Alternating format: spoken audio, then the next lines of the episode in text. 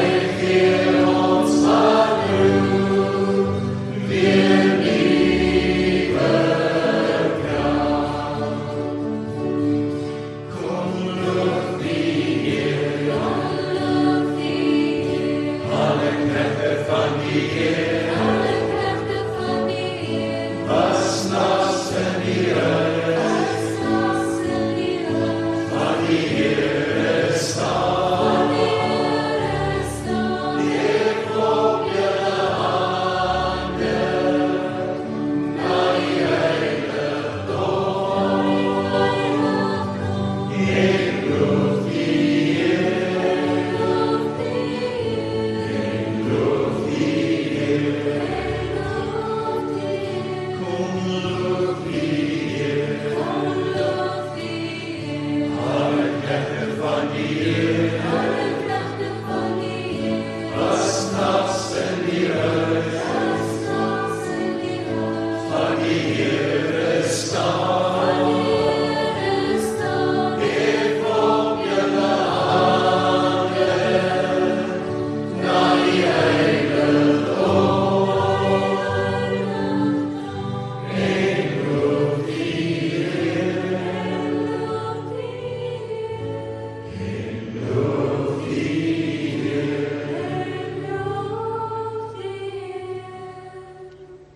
Vader, ons wil vir U dankie sê vir die voorreg om hier saam te kan wees.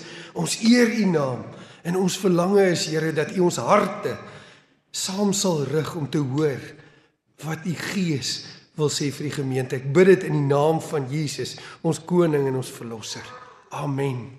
Ons is ver oggend hier saam om te lees uit Daniël 6 uit. Daniël in die leeukuil, seker een van die bekendste gedeeltes in die hele Bybel. Maar die gevaar met bekende gedeeltes is 'n mens neem aan jy ken dit en jy lees oor waarhede jy mis dikwels dit wat die Here wil sê daardeur. Soos byvoorbeeld Daniël in die leeukuil is 'n prentjie in elke kinderbybel. As jy na daai prentjie kyk, dan sien jy hierdie jong man in die vleur van sy lewe tussen hierdie eh, geweldige leeu sit en die leeu se se monde is gesluit. Maar in die waarheid is Daniël 87 jaar oud wanneer hy tussen die leeu sit. Jy weet, moenie dat iemand ooit vir u sê dat u te oud is om deur die Here gebruik te word nie. Moenie. Want weet jy wat God se plan was van die begin af vir Daniël dat die hoogtepunt van sy lewe moet kom in sy 87ste jaar om tussen die leeu's te staan. Dit was God se hart. Dis hoekom Psalm 92 sê jy sal vrug dra tot in jou grysse ouderdom. Dis die hart van die Here. God se plan, God se leeukuil plan was met Daniël se lewe van die begin af. Maar ons gaan nou vir 'n oomblik voordat ons by die skriflesing kom, gaan ons gou-gou deurwerk wat het in hierdie 70 jaar gebeur, die eerste 5 hoofstukke van Daniël. U ken dit. U weet, omtrent 70 jaar gelede van hierdie hoofstuk 6 af, 70 jaar terug, is Daniël as deel van 'n groep jong manne wat in hulle laat tienerjare tussen 16 en 18 was, weggevoer eerste na Babel toe.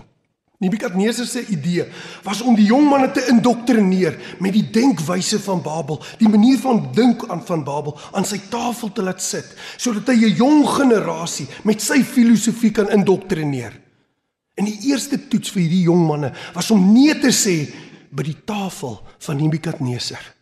Jy weet dis wat die Bybel sê in die Psalm sê hy laat ek nie hulle lekkernye eet nie. 'n Jong mens moet leer om te kan nee sê vir die tafel van Babel. En 20 jaar na hierdie groep vier jong manne nee gesê het, kom Daniël se drie vriende voor 'n geweldige toets. En weet jy wat is die geweldige toets? Ek ken dit. In Daniël 3 is Nebukadneser bou 'n goue beeld. Nou ons weet nie wat was Daniël nie. Hy was 10 teen op daai stadium uitstedig want hy het 'n hoë pos gehad.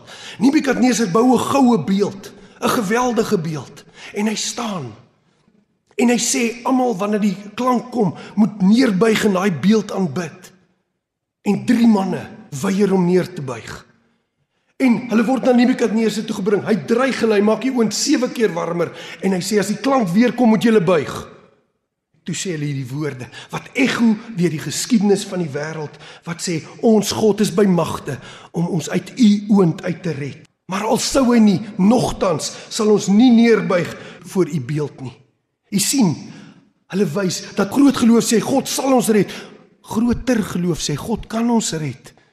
Maar al sou hy dit nie doen nie, nogtans sal ek nie in hom aanstoot neem nie, nogtans sal ek geen ander god aanbid nie. En dan weet jy wat gebeur het? Hulle word vasgebind en hulle word drie manne in hierdie oond ingegooi.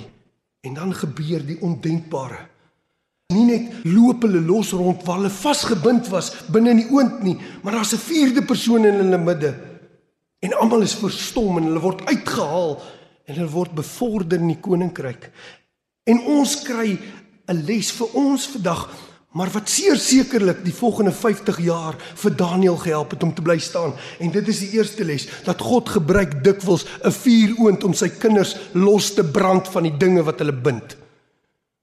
Die Here kan 'n oond in jou lewe gebruik om jou los te maak en jou los te brand soos wat die toue van daai manne afgebring.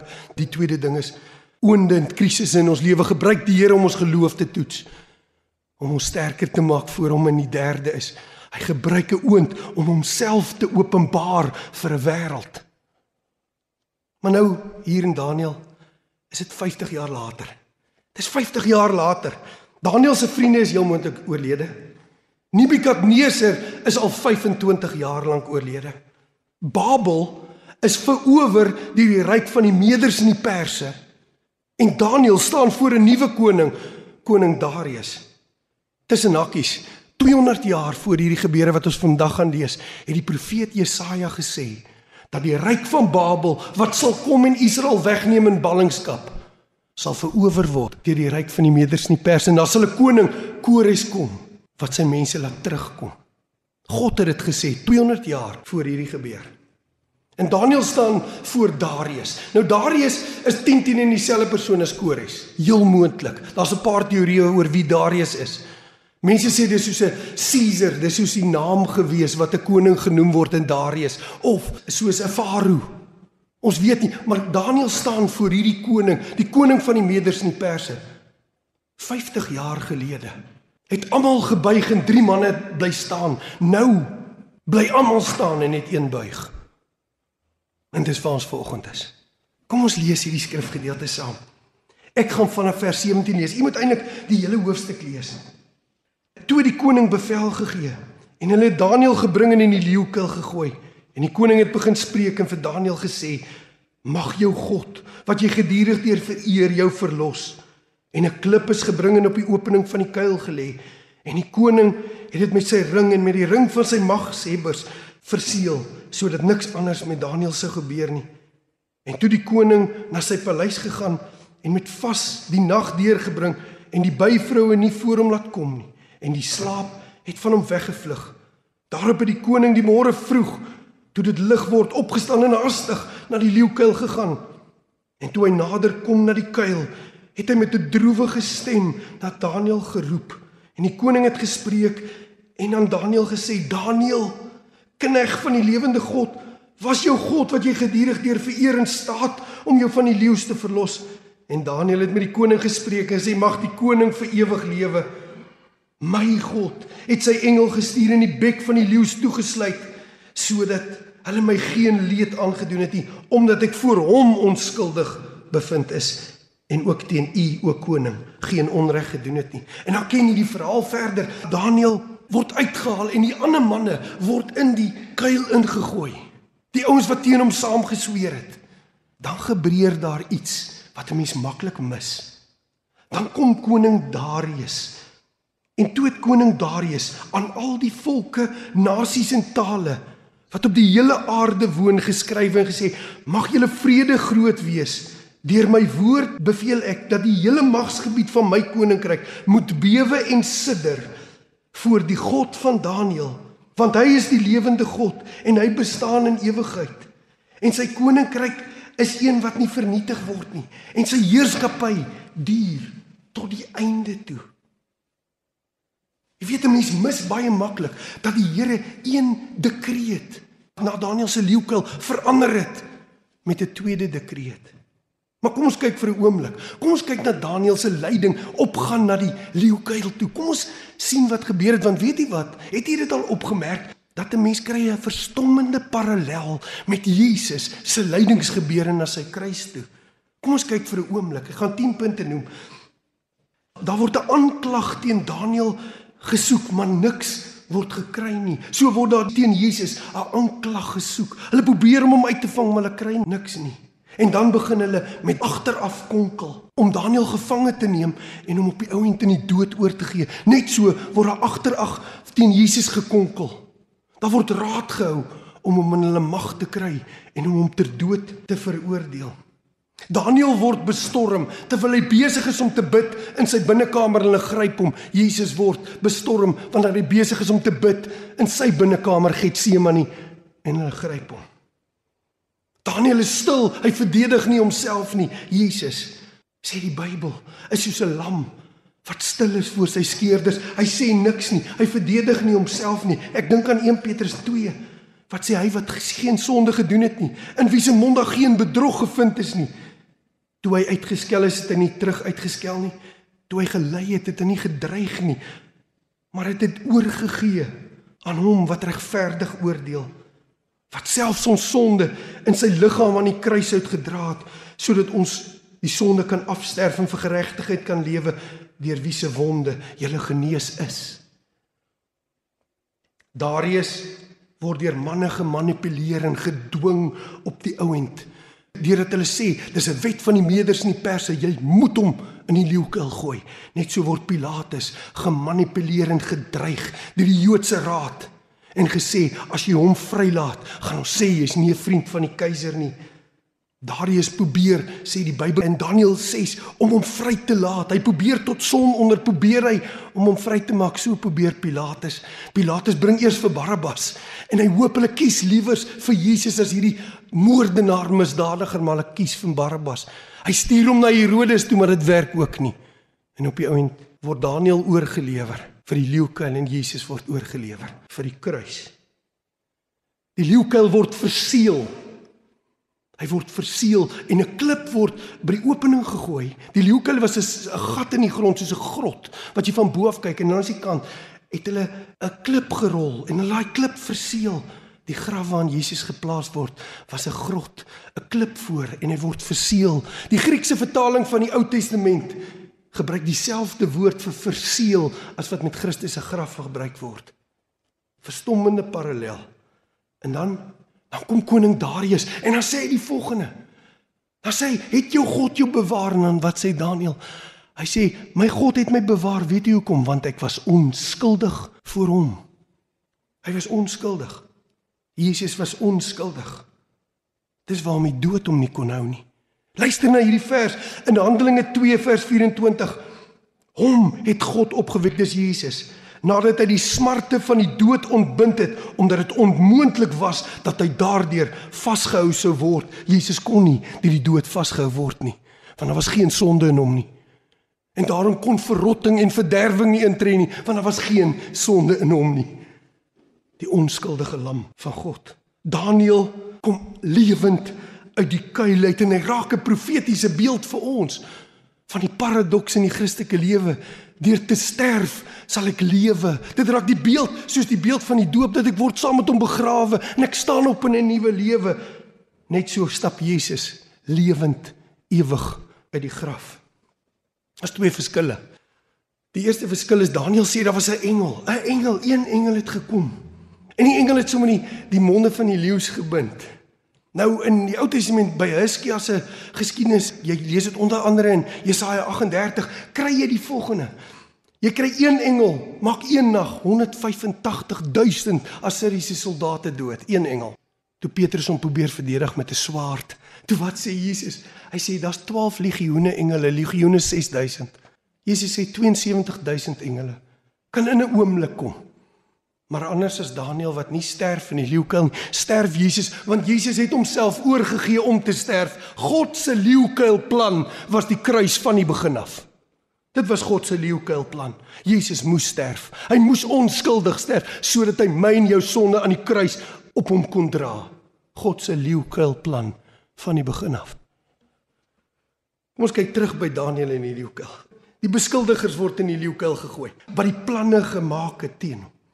En dis 'n snaaks liberale teoloë doen die volgende. Hulle sê dat die leeu's wat Daniël nie geëet het nie, was teen 'n ou leeu's Ag nee, wat belaglik. Of die Julius was nie honger nie. Maar snaaks toe die manne wat hom veroordeel het of wat hom beskuldig het ingegooi word toe vrede die leeu's hulle op voordat hulle grond vat. Dit het gebeur soos die Bybel gesê het. Dit laat my dink aan Psalm 57 waar Dawid sê ek voel asof ek tussen die leeu's is. Voel jy partykeer asof jy tussen die leeu's is? Voel dit vir jou? Hoekom laat die Here jou tussen die leeu's lê? Dawid voel so in Psalm 57. Hy voel tussen die leeu's. Hy voel van hoe kant af sul druk om sy manne wil nie saam met hom gaan nie. Hy's in 'n groot probleem. Hy weet nie hoe gaan die Here hier deurkom vir hom nie. Dit voel vir hom asof hy tussen leeu's is. Maar dan sê Psalm 57, ek het my hart stil gemaak voor die Here. Psalm 57 sê hulle het vir my 'n kuil gegrawe maar dit self aangeval. Maar dan kom ons gou vir 'n oomblik by die eintlike wonderwerk. Die eintlike wonderwerk hier. En ek weet nie waar u sit vanoggend en ek weet nie wat is die krisis nie. Maar hoor vir 'n oomblik, wat was die eintlike wonderwerk hier? Die eintlike wonderwerk was die dekreet wat Darius omgedraai het. 'n Nuwe dekreet wat hy gebring het. Die eerste een het gesê niemand mag 'n ander god as Darius aanbid nie. Die tweede een sê die volgende: Deur my woord beveel ek dat hulle wat in die magsgebied van my koninkryk woon, moet bewe en sidder voor die God van Daniël, want hy is die lewende God en hy bestaan in ewigheid. Sy koninkryk is een wat nie vernietig word nie en sy heerskappy duur tot die einde toe. Dit is die wonderwerk hier, want jy sien die krag van God word nie uiteindelik geopenbaar in God se vermoë om Daniël uit die leeukuil te red nie, maar eerder sy vermoë om dit wat mense bedoel het vir boosheid deur sy krag te gebruik tot sy doel en tot sy hoogste goed. Dis waarvan Josef se lewe ook getuig. Wat sê wat jy bedoel het vir boosheid, het God bedoel vir redding en vir lewe. Jy sien, ons glo dit. As jy 'n kind van die Here is, glo jy dit. Want ons God is die een wat 'n gekruisigde Jesus uit die dood opgewek het. Wat die onuitspreeklike boosheid van die kruisiging omskep het in 'n ondenkbare heerlikheid van die opstanding. Ek wil dit weer vir u sê wat die onuitspreeklike boosheid van hun kruisiging omskep het in die ondenkbare heerlikheid van sy opstanding. Dis dieselfde God wat ver oggend in Suid-Afrika is. In Suid-Afrika is daar ondenkbare bosehede aan die werk. Daar's magte en kragte wat indruk en jou en my lewe is dikwels tussen leeu's. Ons is in 'n krisistyd in die wêreld vandag, maar die God is dieselfde lewende God van die tyd van Daniël, die een wat onuitspreeklike boosheid kan omskep in ondenkbare heerlikheid. Dis die God wat lewe kan bring. Ek weet nie wat is die krisis nie, maar daar is 'n God wat werk met opstanningskrag. Hy leef tot in ewigheid. Ken jy hom? Ken jy hom? Want die wonderwerk is nie dat die Here hom uit die leeukuil uitgehaal het nie, die wonderwerk is dat hy die leeukuil gebruik het tot sy grootste werk. Weet jy wat was die effek? Die geweldige effek van hierdie dekreet. Die geweldige effek van die dekreet moet jy in die laaste hoofstuk van 2 Kronieke en in die eerste hoofstuk van Esra lees. Die dekreet bring mee dat daar briewe sirkuleer reg oor die hele ryk dat elke balling wat wil teruggaan, elke Joodse balling wat wil teruggaan na Jerusalem toe om die tempel van die lewende God te gaan bou daar, mag teruggaan. Dis die gevolg van Daniël se leeukuil. En dit baan die weg vir die bou van die tempel waar die Here moes aanbid word die lewende God. Maar Haggai sê vir ons dis net 'n blik Die heerlikheid wat kom oortref hierdie. Hoekom? Want die lewende God woon nie in huise wat deur klip en mense gebou is nie. Die lewende God woon in ek en u. Daarom sê Jesus vir die vrou by die put: "Daar kom 'n dag, die uur is nou, waar die ware gelowiges in gees en waarheid my sal aanbid." Ek weet nie wat die krisis is nie.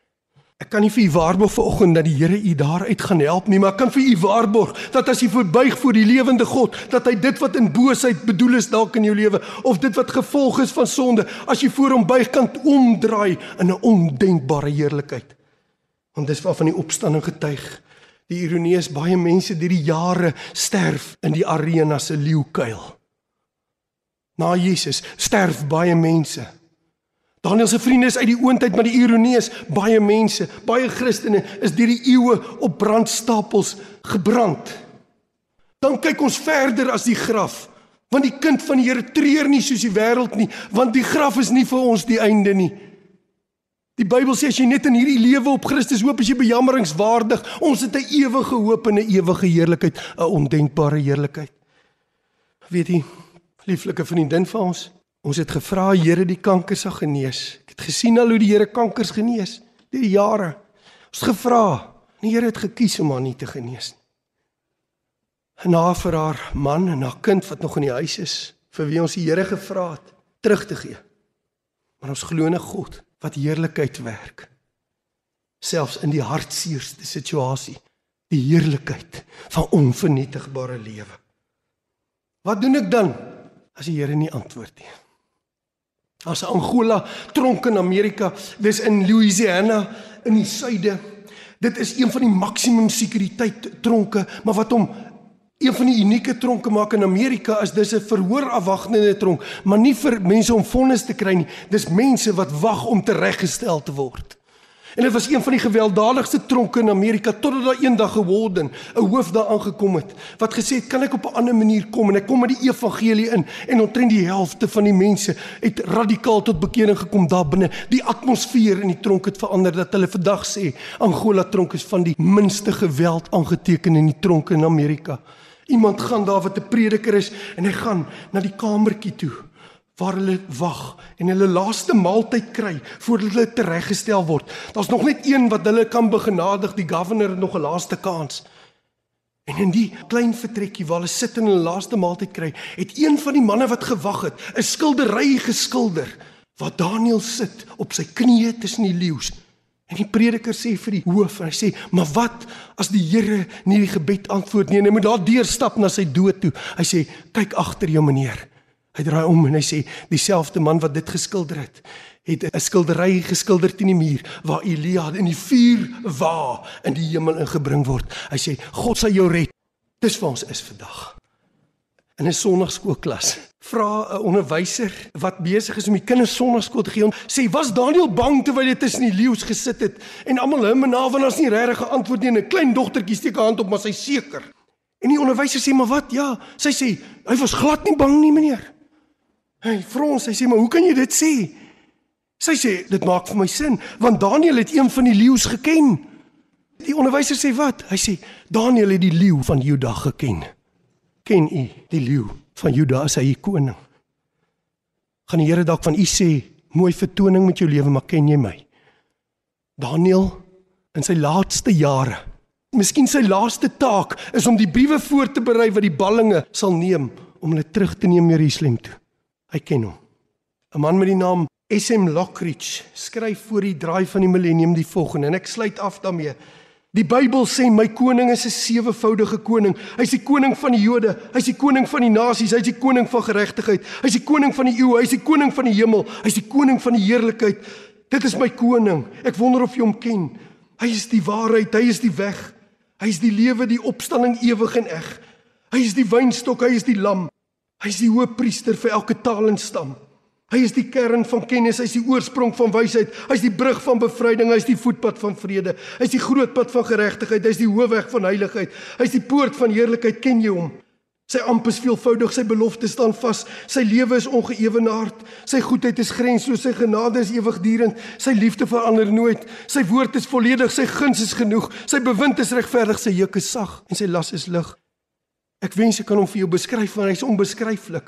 Hy's onbegryplik. Hy's onoorwinnelik. Hy's onweerstaanbaar. Jy kan nie hom uit jou gedagtes kry nie. Wel, jy kan nie van hom ontslaa raak nie. Jy kan hom nie oorleef nie, maar jy kan ook nie sonder hom leef nie. Die Fariseërs kon hom nie verdra nie, maar hulle het ontdek, hulle kon hom nie stop nie. Pilatus kon hom nie fout vind met hom nie. Die getuies se verklaringe kon nie ooreenstem nie. Herodes kon hom nie doodmaak nie. Die dood kon hom nie baas raak nie. Die graf kon hom nie hou nie. Dit is my koning. Dit is my koning, ken jy hom?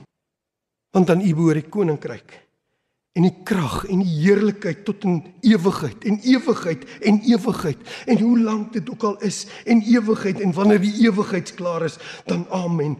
Goeie en groote almagtige God Jesus Christus. Amen. Ek weet nie waar jy is nie maar wil jy nie saam met my buig nie? En sê Here ons gee alles vir u oor. U die een wat boosheid kan omdraai kan omskep in onuitspreeklike heerlikheid. Mag die Here u seën. Amen.